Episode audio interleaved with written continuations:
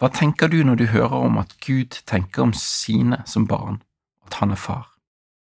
I Johannes kapittel 1 vers 12 skriver Johannes, men alle dem som tok imot ham, altså Jesus, den ga han rett til å bli Guds barn, de som tror på hans navn. Er det egentlig ikke litt rart at Gud som er den allmektige, himmelens og jordens skaper, tenker på oss i et far-barn-forhold? Og så er ikke det det eneste stedet. Paulus skriver i Feserbrevet, kapittel 3, vers 15, Han som har gitt navn til alt som kan kalles for Far i himmel og på jord. Hvorfor er det nødvendig? Gud kunne jo vært en fjern skapergud i himmelen som startet verden og så trakk seg tilbake igjen. Det var det grekerne tenkte om Gud på den tiden. Det er helt fascinerende å lese hvordan Gud skapte verden. Det står om alle ting at Gud talte, snakket for å skape verden, bortsett fra én ting. Da han skulle skape menneskene, så kom han fysisk ned og jobbet sjøl. Han sjøl, Gud, den hellige, allmektige, som kunne sittet på tronen sin og snakket. Han gikk ned på jorden, tok jord og blandet det for å skape mennesker med sine egne hender. Det er helt annerledes enn det vi forbinder med Gud. Han bryr seg, han ser oss, og han vil være med oss. Jeg tror det er derfor han bruker bildet med far og barn. Matteus kapittel 7 vers 9–11 sier, Eller hvem av dere vil gi sønnen sin en stein når han ber om brød, eller gi ham en orm når han ber om en fisk? Når selv dere som er onde, vet å gi barna deres gode gaver, hvor mye mer skal ikke da deres far i himmelen gi gode gaver til den som ber ham? Og i Jesaja 49, vers 15–16 står det, Kan en kvinne glemme sitt diende barn, en omsorgsfull mor det barnet hun bar? Selv om de skulle glemme, skal ikke jeg glemme deg. Se, jeg har tegnet deg i mine hender. Dine murer er alltid foran meg. Gud glemmer oss ikke. Gud ser hvordan vi har det. Gud ser hva vi trenger, og han vil være nær oss. Han kjenner oss ved navn. Han bryr seg om oss. Opp gjennom min oppvekst så tenkte jeg at dette var noe Gud gjorde fordi han måtte. Men da jeg studerte teologi og lærte gresk, så kom jeg over dette verset i første Korinterbrev, kapittel 1, vers 21. For da verden ikke brukte visdommen til å kjenne Gud i hans visdom, besluttet Gud å frelse dem som tror ved den dårskapen som vi forkynner. Ordet for å beslutte, det betyr på gresk at Gud så på det som sin glede å frelse dem som tror, ofre Jesus. Han gjorde ikke det fordi han måtte, men fordi han ville. Det å dø på den verste måten mennesker noensinne har funnet opp, det var verdt det for å få lov til å redde oss. Og for meg så var det så stort at Gud, han reddet meg ikke for han måtte, men han gjorde det fordi at han ville, han hadde lyst. Han så på det offeret som Jesus ga, og så tenkte de at det var verdt for å redde oss mennesker. Gud valgte ikke dette fordi han måtte, men han gjorde det fordi han ville. Så er det så fort gjort at vi føler at vi må prestere for denne gaven. Egil Svartdal han presenterer tre typer kjærlighet i en av sine taler.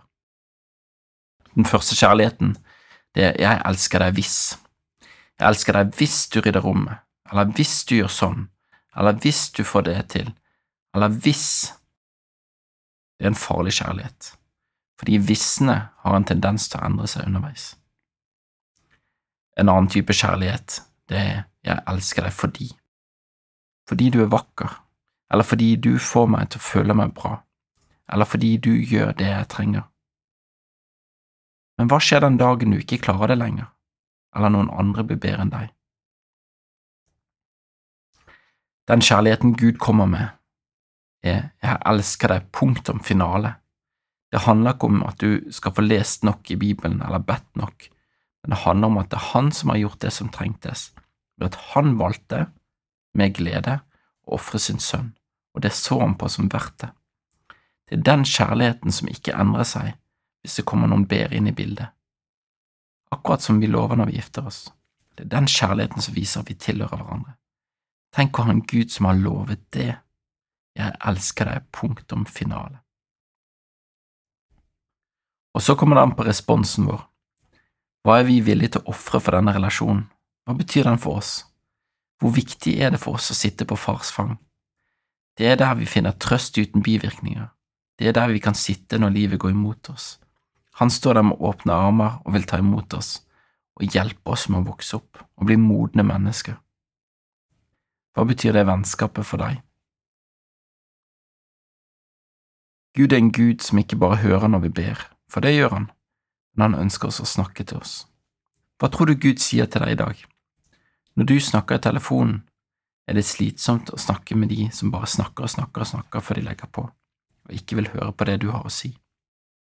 Da trenger vi noen ganger å stoppe opp og lytte, slik vi får med oss det han vil si.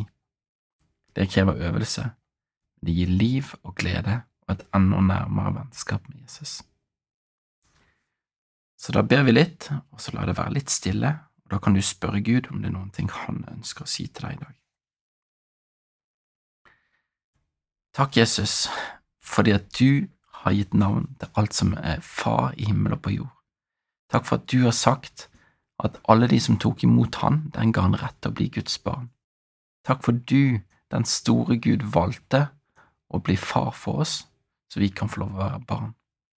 Og takk for det at du gir oss den kjærligheten, punktum finale, som ikke handler om hva vi skal få til, men det handler om at du, du elsker oss.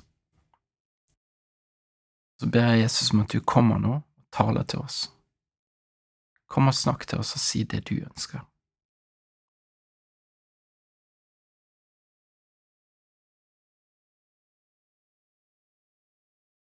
Herren velsigne deg og bevare deg.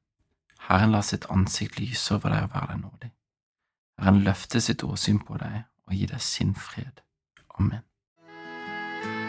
Du har nå hørt en andakt i serien Over en åpen bibel. Og dagens andaktsholder var Lars Christian Heggebø. Denne andaktsserien den produseres av Norea Mediemisjon. Hver fredag formiddag så tilbyr vi forbønn. Ring oss på 38 14 50 20.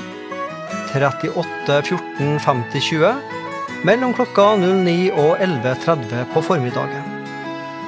Eller du kan når som helst sende inn ditt bønneemne til oss, enten via en melding på Facebook eller bruk e-postadressen post at norea.no.